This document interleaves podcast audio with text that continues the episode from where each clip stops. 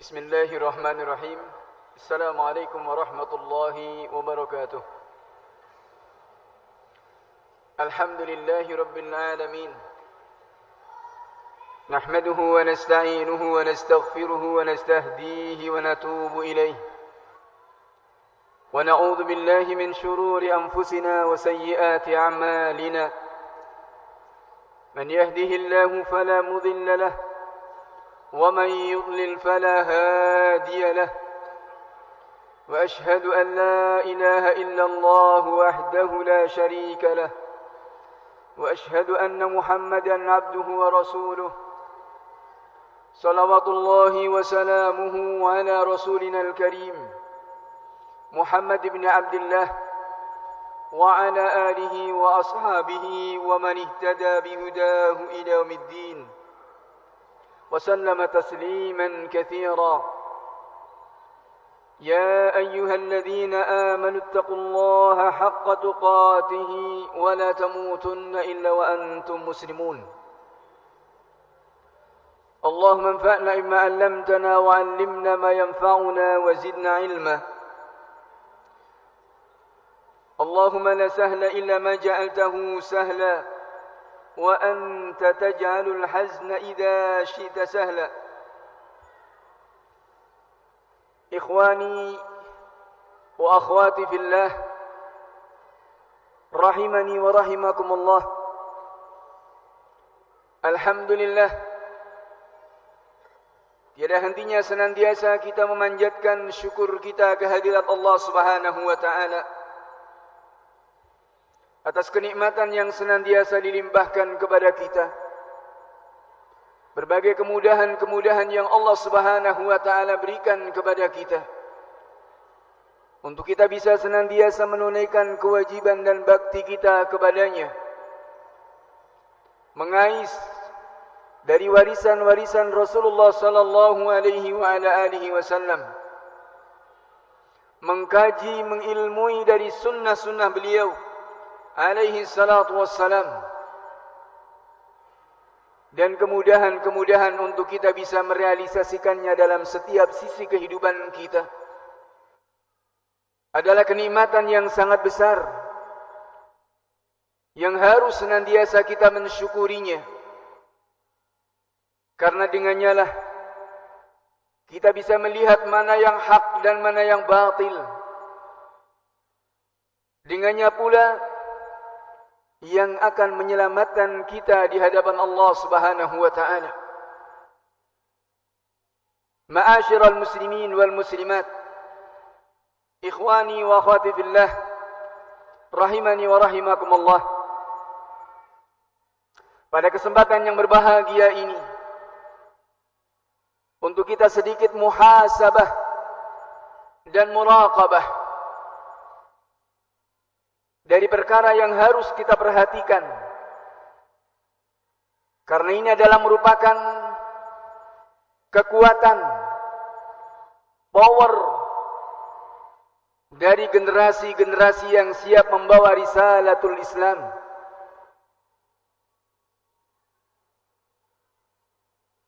Maka jemaah melihatkan Allah Subhanahu wa taala berbicara masalah pemuda adalah satu komunitas yang sangat-sangat diperhatikan oleh semua lini manusia. Semua kelompok manusia. Di mana pemuda ini adalah satu marhala dari umur seorang anak manusia. Yang dimulai, sebagian mengatakan dimulai dari umur 15 tahun sampai kurang lebih 40 tahun. Sebagaimana dikatakan dalam ayat hatta idza balagha ashuddahu fa balagha arba'ina sanah maka ketika sudah sampai ashuddahu sudah matang sudah mapan Fabalagha arba'ina sanah dan sampai pada umur 40 tahun. Ternyata Al-Quran membatasi, menjelaskan kepada kita 40 tahun. Ini umur yang sudah matang. Maka Nabi alaihi salatu wasallam diangkat oleh Allah Subhanahu wa taala sebagai nabi dan rasul. Ketika genap berusia 40 tahun. Usia yang matang. Jamaah melakukan Allah Subhanahu wa taala.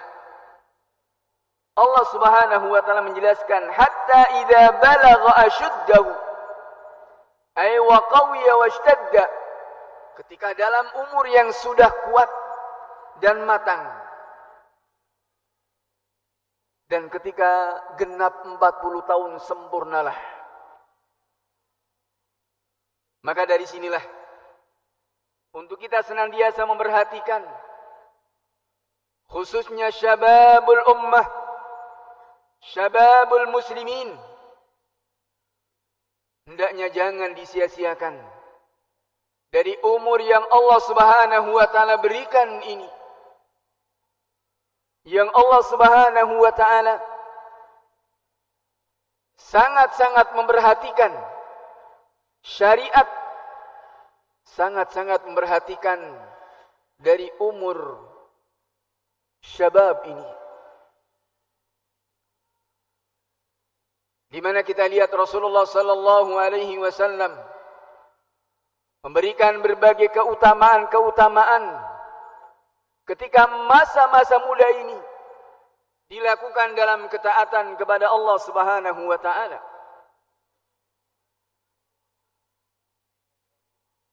Rasulullah sallallahu alaihi wasallam menjelaskan Sab'atun yudhilluhumullahu yawma la dhilla illa dhilluh.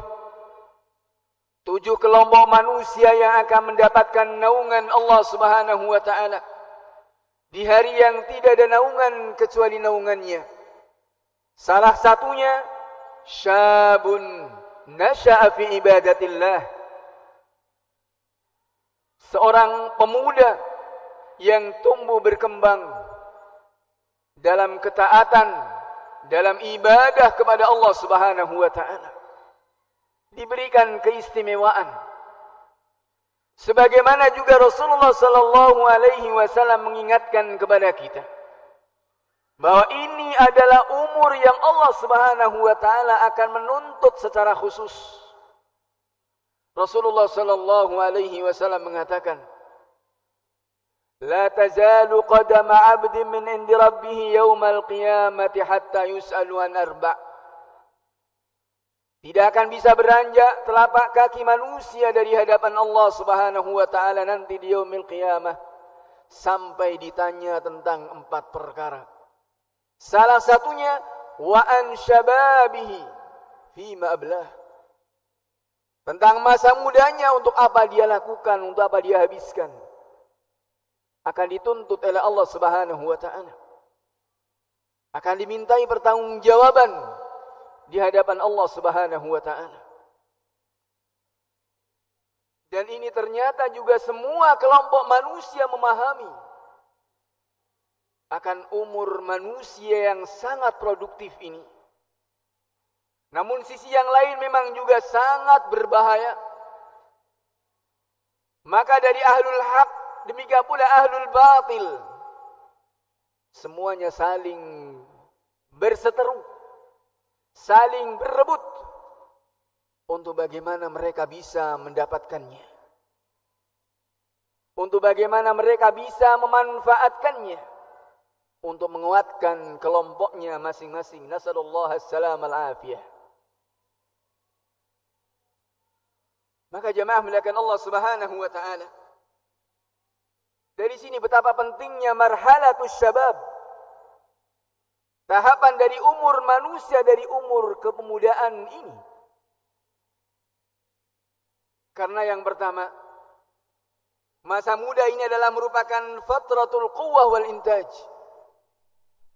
Masa di mana manusia dalam puncak kekuatannya.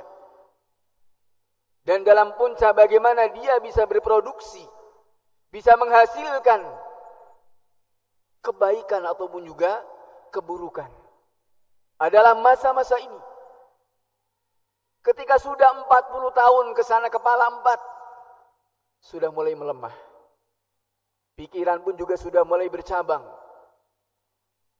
Dan seterusnya. Namun, di bawah itu adalah umur yang sangat produktif. Di mana Allah Subhanahu wa taala mengingatkan kepada kita.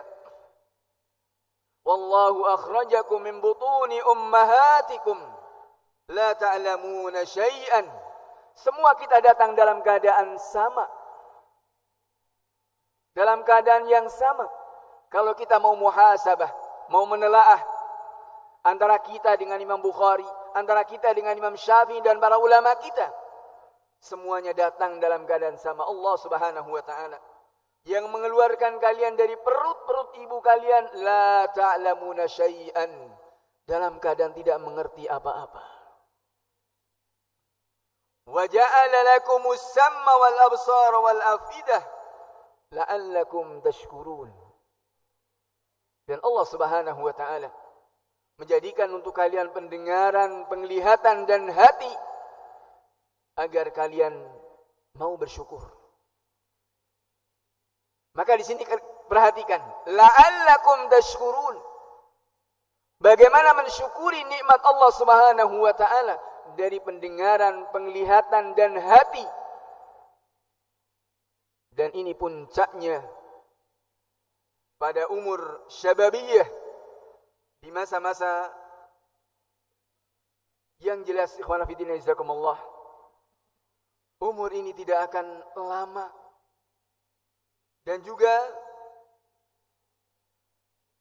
akan sedikit demi sedikit kemudian akan menjadi melemah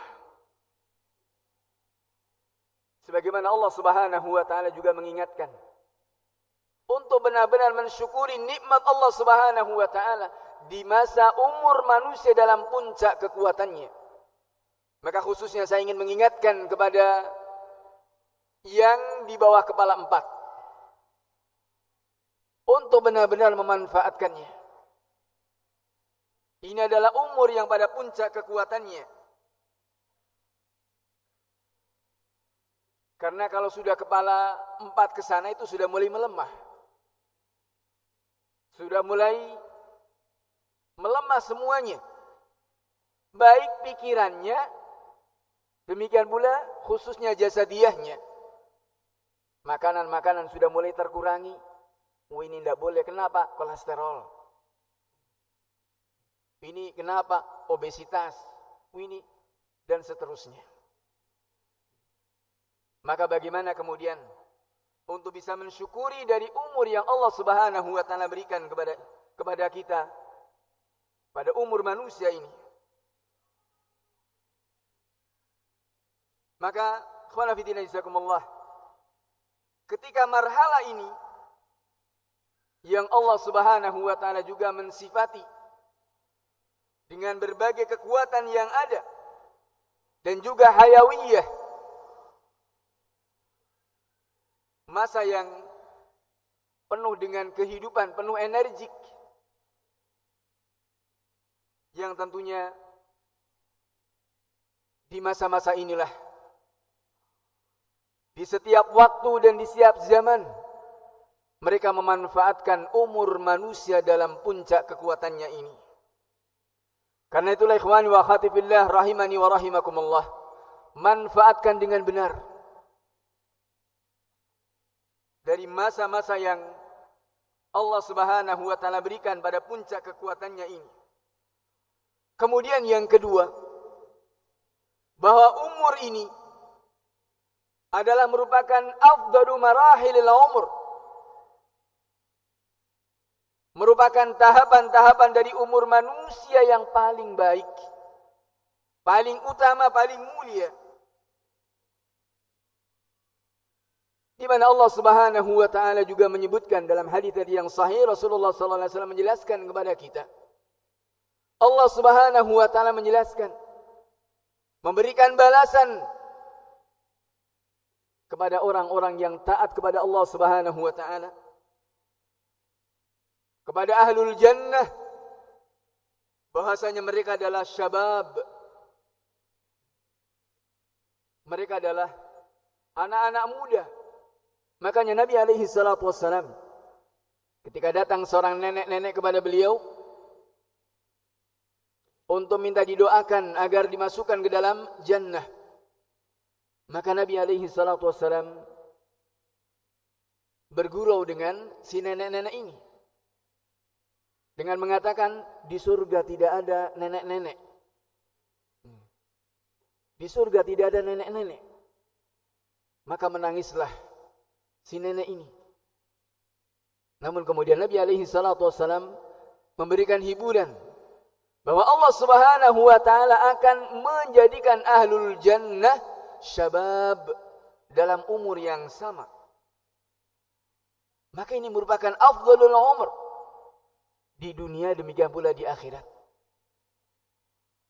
Di dunia kita mengerti bersama bagaimana kekuatan dari umur syabab ini. Kemudian di akhirat kelak maka inilah balasan Allah Subhanahu wa taala kepada ahlul jannah yang tentunya ini dari kamalus saadah kesempurnaan dari kebahagiaan para ahlul jannah ketika Allah Subhanahu wa taala menjadikan mereka ahlul jannah ini adalah syabab. Ma'asyiral ikhwa wal akhwat rahimani wa rahimakumullah. Kemudian yang ketiganya jadi pentingnya umur ini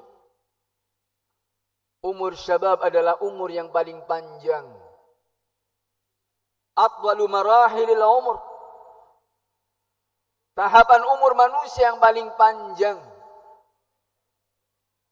Dari yang pertama, hinut tufulah.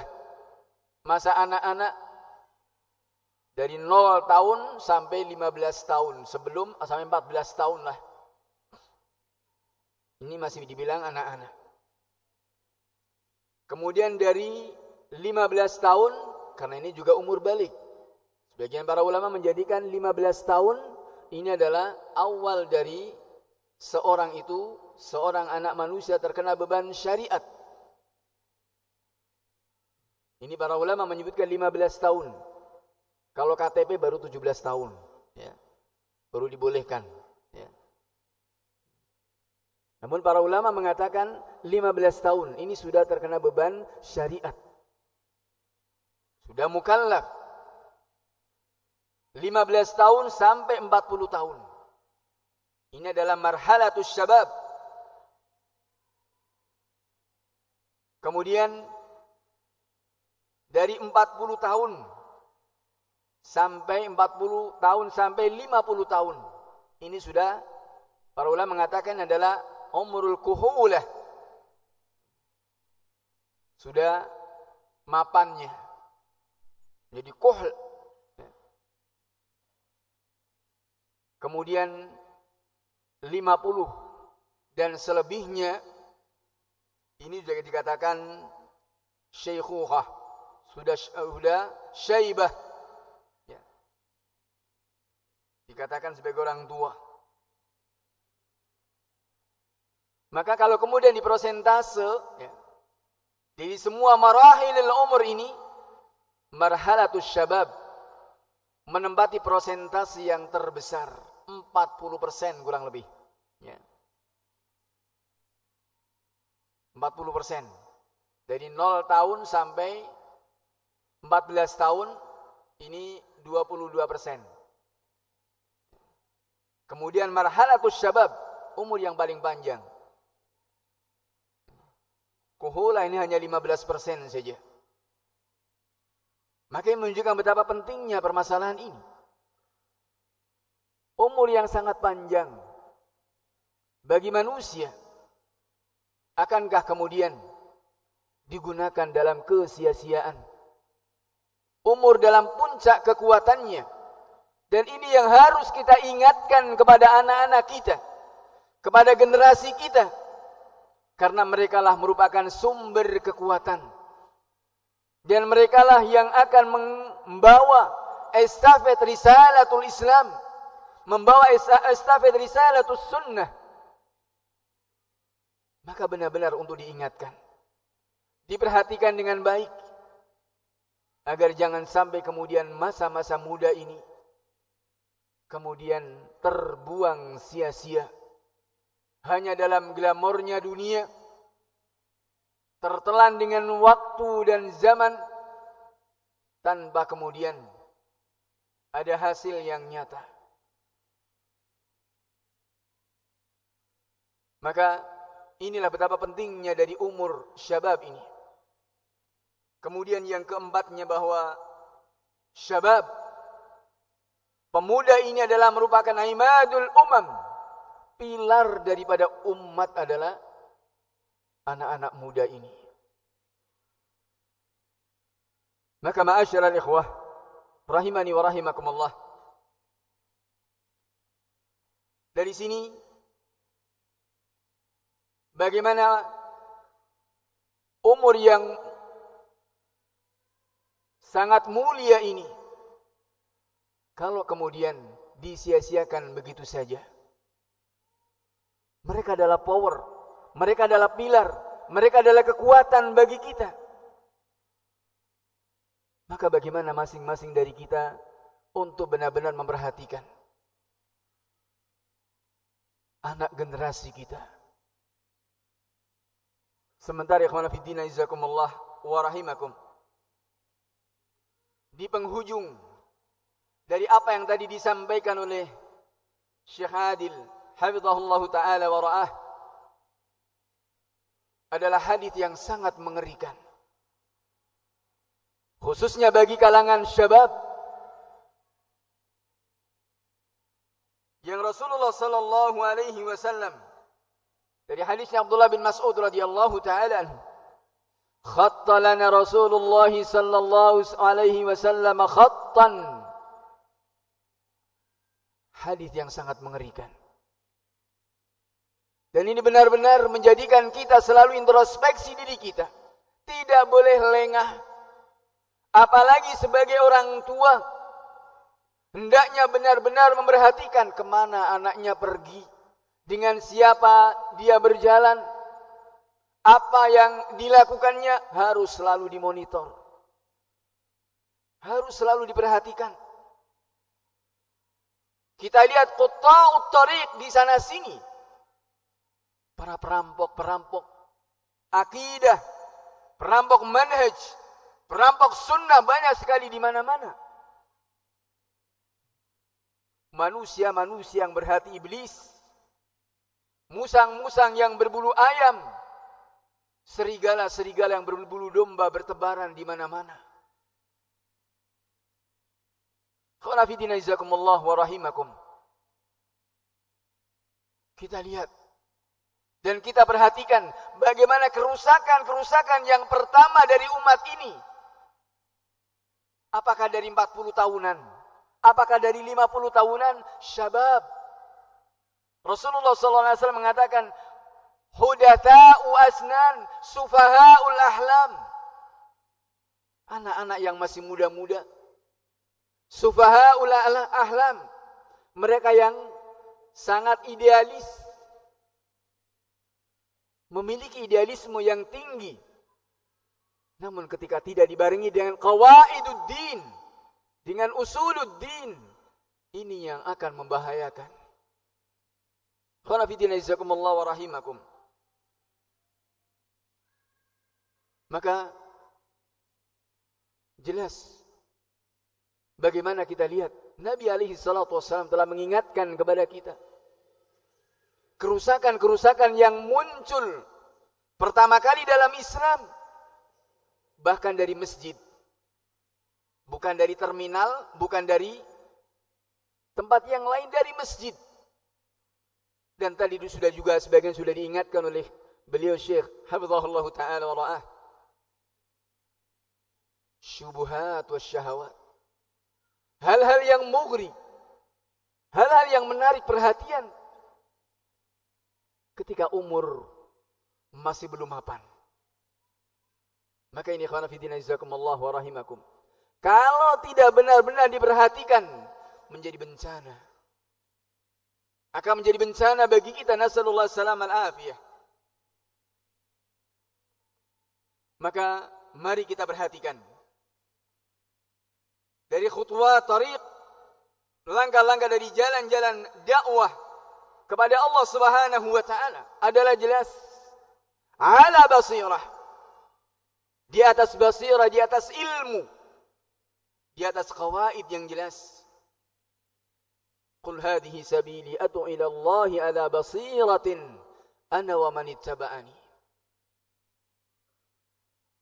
Katakanlah inilah jalanku. Jalannya Rasulullah sallallahu alaihi wa ala alihi wasallam yang aku mengajak kepada Allah Subhanahu wa taala ala basirah. Di atas basirah maka marilah untuk kita bimbing anak generasi kita di atas basirah agar mengikuti basiratul Rasul alaihi salatu wassalam. Mengais dari warisan-warisan Nabi alaihi salatu wassalam. Yang warisan ini benar-benar sebagai jaminan bagi kita. Manakala kita berpegang teguh kepadanya. Sebagaimana janji dari Nabi alaihi salatu wassalam. Taraktu fikum amrain ma in tamassaktum bihi ma lan tadhillu abada. Kitab Allah wa sunnati. Aku tinggalkan kepada kalian dua perkara. Yang jika kalian berpegang teguh dengan keduanya niscaya tidak akan tersesat selama-lamanya. Kitab Allah dan sunnahku. Maka mari kita bimbing dari anak generasi kita agar senantiasa terbimbing di atas ilmu Ilmu yang menjadikan seorang anak manusia itu tunduk kepada Allah Subhanahu wa taala. Ilmu yang menjadikan seorang anak manusia mau menyerahkan segalanya, mewakafkan hidupnya untuk berkhidmah dan mengabdikan dirinya kepada Islam dan kaum muslimin. Qala fi wa rahimakum. Jelas. Jalan Allah Subhanahu wa taala jelas. Manakala kita kaji dan manakala kita ilmui. Namun kalau kemudian tidak diilmui maka inilah. Sekali lagi wa rahimakum. Apa yang diingatkan oleh Nabi alaihi salatu wassalam dari jalan-jalan yang banyak sekali itu yang Nabi mengatakan wa ala kulli sabilin syaitanun yad'u ilaihi. Di setiap jalan-jalan itu, di setiap gang-gang itu ada setan-setan yang menyeru kepadanya, mengajak kepada jalan itu. Nas'alullah salam al-afiyah. Jadi jalan Allah Subhanahu wa taala adalah jalan yang butuh kepada perjuangan dan pengorbanan. Bukan jalan mulus bebas hambatan. Namun jalan yang sangat mengerikan. Di mana di kanan kirinya ada hal-hal yang sangat menarik. Dan benar-benar memang menarik. Syubuhat wa syahwat. Sesuatu hal yang menarik. Yang memudahkan manusia untuk berpaling dari jalannya. Maka kalaulah bukan pertolongan Allah Subhanahu wa taala Kalaulah kita tidak senantiasa mencari asbab asbabus thabat asbabul istiqamah adalah begitu dekatnya ketergelinciran begitu dekatnya kesesatan karena hati itu di antara dua jari-jari eh, dari jari Allah Subhanahu wa taala. Ya Allah Subhanahu wa taala Maha Kuasa untuk membolak-balikan hati manusia. Maka qanafidina jazakumullah. Sementara sisi yang lain jalan-jalan syaitan dengan kelompok-kelompoknya dari sisi akidah, dari sisi manhaj, dari sisi tarbiyah, dari sisi siasah. Ini tentunya adalah mereka berada pada jalan yang sangat berbeda dan tidak akan ketemu dengan jalan Allah Subhanahu wa taala ini. Namun sekali lagi ini adalah jalan-jalan yang menggiurkan. Yang senantiasa melambai-lambai kepada siapa pun yang mereka berjalan di atas jalan Allah Subhanahu wa taala. Senantiasa memberikan hal-hal yang menarik. Nasallallahu salam al-afiyah. Maka khalafidina jazakumullah wa rahimakum. Ini tentunya keistimewaan yang harus kita benar-benar mensyukuri dari nikmat Allah Subhanahu wa taala. Yang kita semuanya akan mengetahui bahwa dua jalan ini tidak akan bertemu sama sekali. Antara jalan Allah Subhanahu wa taala dengan jalan-jalan yang sedemikian banyak. Antara al-haq dan al-batil ini tidak akan bertemu. Namun demikian, Allah Subhanahu wa taala menjadikan itu semuanya adalah sebagai ujian. Khususnya di masa-masa muda yang benar-benar harus sadar dan harus ingat masa-masa yang kuat seperti itu pun juga tentunya ujian-ujiannya adalah sangat berat. Hawaiknya demikian banyak. Gangguan-gangguan dan rintangan-rintangannya demikian banyak. Yang tentunya menjadikan seorang pemuda hendaknya benar-benar senantiasa waspada. Menjadikan dirinya senantiasa peka dengan keadaan apa yang ada di sekelilingnya. Dan apa yang ada di lingkungannya. Qala fi dina jazakumullah wa rahimakum. Inilah yang Allah Subhanahu wa taala ingatkan kepada kita. Manakala kita berjalan di atas kawaid yang jelas, seorang muslim dengan sikapnya yang sabat, dengan sikapnya yang kokoh, dengan agamanya, tidak akan basa-basi dengan apa pun yang namanya kebatilan. Kita lihat seorang pemudi, sahabiah, Ummu Sulaim radhiyallahu taala anha. Tegas, tegar seorang wanita sahabiah. Sebagai contoh ini, dari perempuan di masa Rasulullah sallallahu alaihi wasallam yang mendapatkan didikan-didikan nubuah Rasulullah sallallahu alaihi wasallam. Datang Abu Talhah melamarnya. Maka kita lihat dengan bahasa yang santun namun tegas. Tidak ada basa-basi. Mitluka ya Abu Talha la turad. Orang sepertimu wahai Abu Talha tidak layak untuk ditolak lamarannya. Hanya saja engkau ini adalah seorang kafir, seorang musyrik. Berani kita mengatakan seperti itu? Di depan mata,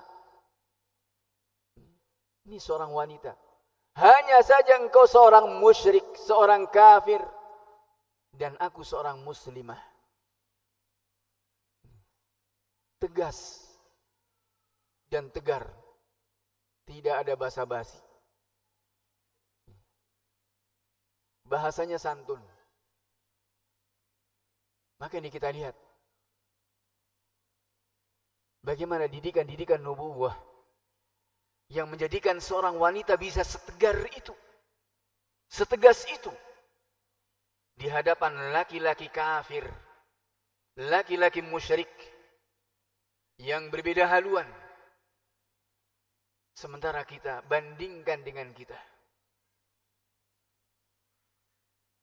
Ini cukup sebagai pelajaran bagi kita. Bagaimana dengan pemuda-pemudanya? Mus'ab bin Umair radhiyallahu taala anhu.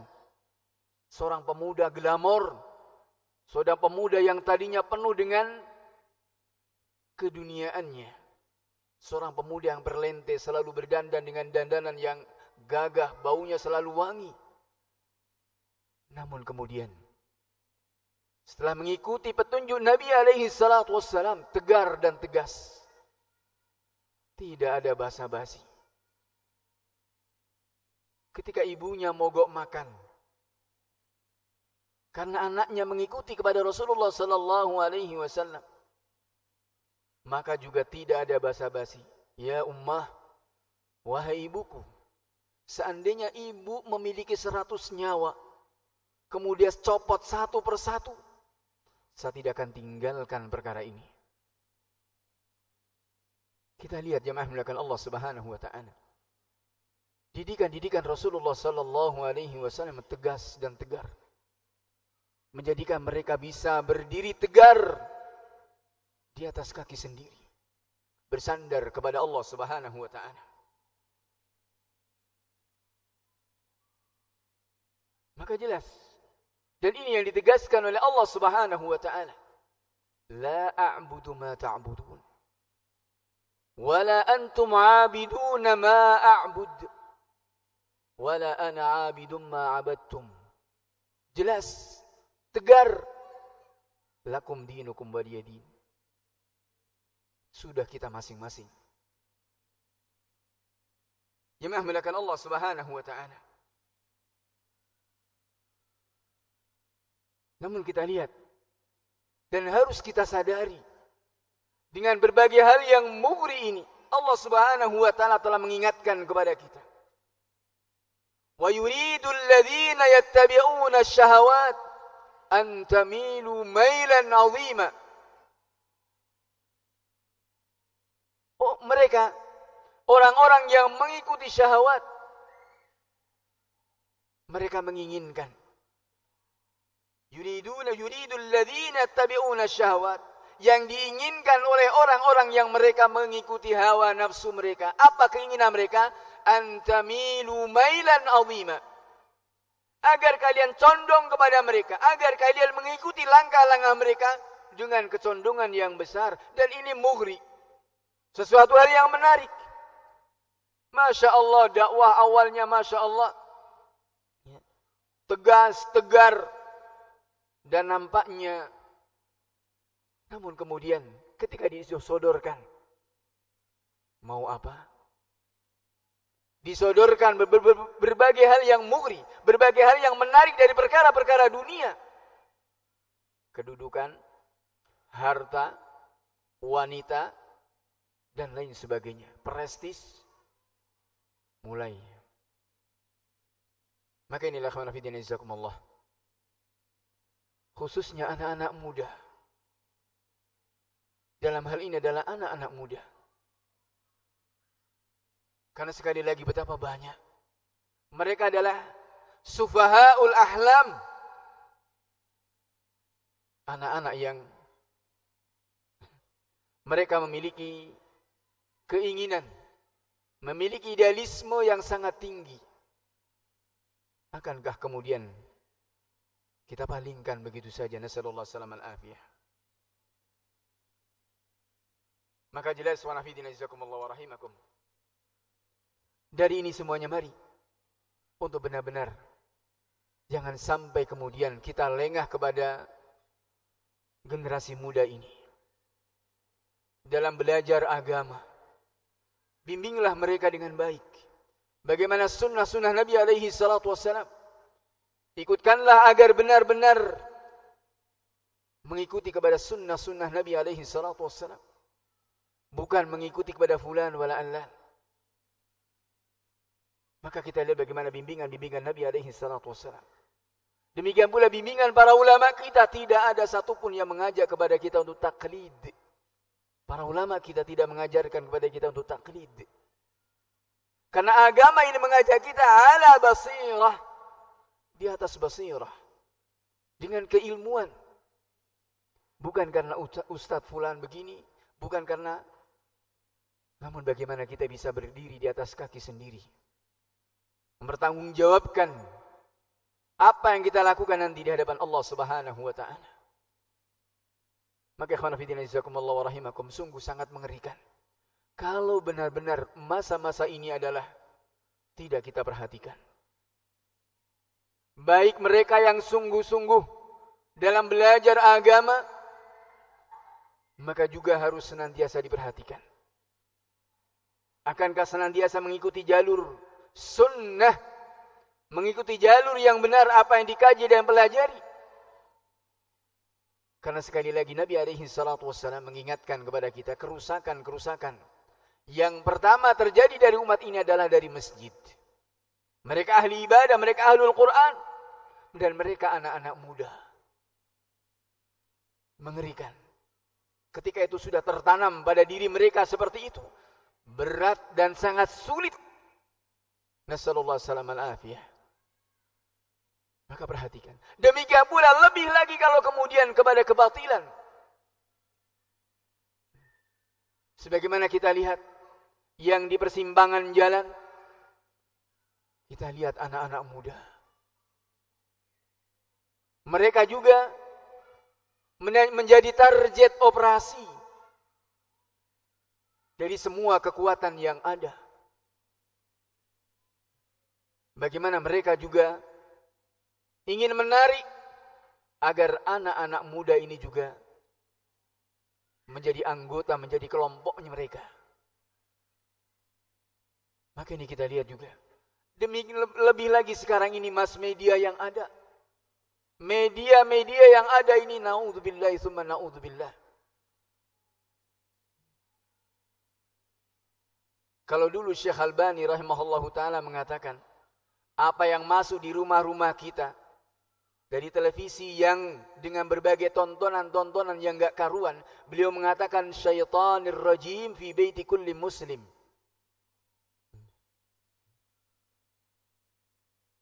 Dan ini sekarang tadi dikatakan setan gepeng masuk di saku-saku kita. Maka ini semuanya ikut andil dalam mendidik generasi kita. Saya katakan seperti ini, betapa kita yang punya perhatian dalam masalah pendidikan ini direpotkan dengan santri-santri, dengan siswa-siswa yang lagi-lagi adalah setan-setan gepeng itu tadi. Kita banyak direpotkan akibat dari itu. Nasallallahu salam al-afiyah. Maka hanya kita berdoa kepada Allah subhanahu wa ta'ala. Semoga seperti itu, ketertarikan mereka seperti itu. Ini senantiasa dijaga oleh Allah subhanahu wa ta'ala. Teknologi memang sesuatu yang tidak bisa kita hindari. Namun ini adalah pedang yang bermata dua. Kalau kita manfaatkan untuk kebaikan subhanallah adalah akan menguatkan kita, memudahkan kita dan bahkan akan menegakkan hujah kepada kita karena ilmu demikian dekatnya, informasi demikian mudahnya dan tidak ada lagi kata tidak tahu dengan perkara agama ini. Sudah tidak ada alasan lagi untuk mengatakan bodoh dengan perkara-perkara agama ini. Karena informasi demikian dekatnya. Kalau kita manfaatkan subhanallah, akan menjadi satu hal yang kekuatan yang sangat luar biasa. Namun kalau kemudian sebaliknya disalahgunakan inilah yang benar-benar menjadi setan gepeng tadi. Atau dikatakan seperti syaitanir rajim fi baiti kulli muslim. Kata kita fi jaybi kulli muslim. Bukan bait saja, tapi sekarang fi jaybi kulli muslim di saku setiap muslim. Ya, setan-setan gepeng yang ada di saku setiap muslim ini. Nasallallahu salam al-afiyah. Maka ikhwan fillah rahimakum. Ini kita lihat, maka perhatikan. Dan jadilah hadisnya Abdullah bin Mas'ud radhiyallahu taala anhu tadi. Dari apa yang beliau khawatirkan ini benar-benar senantiasa ada di benak kita. Khususnya kepada anak-anak muda. Kepada syababul ummah Jadikan hadisnya Abdullah bin Mas'ud radhiyallahu taala bahwa Anda ada di persimpangan jalan. Akankah kemudian sabat di atas jalan Allah yang mengatakan hada sabilullah, ini jalan Allah. Jalannya Rasulullah sallallahu alaihi wasallam. Ataukah kemudian tergelincir? Wahadhihi subul. Maka tadi di penghujung apa yang disampaikan oleh beliau Syekh Rahim Hafizahullah taala ra'ah jangan menga-mengo. Jangan tertarik. Memang kelihatannya dari jauh seperti melambai-lambai mengajak kita ada angin segar ada mungkin sesuatu yang menyenangkan untuk kita singgah di situ. Mari singgah barang sebentar, jangan sekali-kali. Banyak hal-hal yang muri ini yang kemudian adalah mengambil kesempatan kalian untuk kemudian menjadi target operasi dari mereka. Maka dia jadilah pemuda ahlul jannah. Pemuda yang didambakan oleh Rasulullah sallallahu alaihi wasallam. Pemuda yang akan mendapatkan naungan Allah Subhanahu wa taala di hari yang tidak ada naungan kecuali naungannya. Ingat dari apa yang disabdakan oleh Nabi alaihi salatu wassalam bahwa jalan Allah Subhanahu wa taala hanya satu.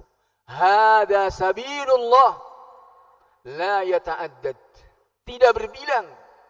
Jangan sampai kemudian kita berspekulasi, mau coba-coba. Kenapa sih mesti memilih jalan sunnah? Kenapa tidak jalan yang lain saja? Kan masih banyak. Tidak bisa. Tidak bisa kita berspekulasi. Yang penting kan tujuan kita sama. Menuju kepada Allah subhanahu wa ta'ala. Tidak bisa kemudian kita mengatakan seperti filsafat laba-laba katanya. Memuter yang penting kan titiknya. Tidak bisa kita seperti itu. Tidak bisa kita spekulasi.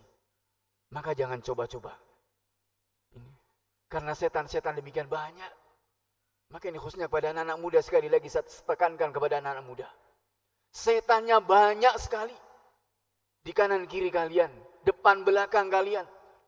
Setannya banyak. Maka hendaknya waspada dan hati-hati. Yang siap memalingkan dari jalan Allah Subhanahu wa taala. Sedikit saja berpaling akan tenggelam. Wa ala kulli sabilin syaitanun yatu ilaihi. Apalagi Nabi alaihi salatu wasallam mengingatkan kepada kita. Dari hadisnya Hudzaifah bin Yaman radhiyallahu taala apa yang terjadi di akhir zaman? Manusia-manusia yang berhati iblis. Qaumun yastannuna bi ghairi sunnati wa yahtaduna bi ghairi hadi. Ini kelompok-kelompok yang mengeruhkan kemuliaan Islam. Yang mereka mengambil sunnah tidak dengan sunnahku. Mengambil petunjuk tidak dengan petunjukku. Dan yang lebih parah lagi. Du'atun ila abu abi jahannam. Da'i-da'i yang mengajak kepada pintu-pintu jahannam. Nasallallahu salam al-afiyah. Ini di akhir zaman dan barangkali sekarang ini. Seruan-seruan itu sangatlah banyak. Sementara Allah Subhanahu wa taala mengingatkan kepada kita, "Wa in tuti aktsara man fil ardh yudhilluka an sabilillah. Jika engkau ikuti kebanyakan penduduk bumi ini, niscaya mereka akan menyesatkan kamu dari jalan Allah Subhanahu wa taala. Maka ini yang pertama ingat, jalan Allah Subhanahu wa taala hanya satu. Tidak bisa kita berspekulasi. Kemudian yang kedua, dari hadisnya Abdullah bin Mas'ud radhiyallahu taala bisa kita ambil faidah bahwa antara jalan Allah dan jalan-jalan syaitan ini tidak ada jeda. Juga tidak ada jembatan yang menyeberanginya. Dan juga tidak ada yang menyambung, tidak ada sambungannya sama sekali. Namun sekali lagi yang ini Allah. Ini harus kita perhatikan. Dan kalian bisa saja melompat begitu saja. Nasallallahu salaman afi. Na'udzubillah teman na'udzubillah.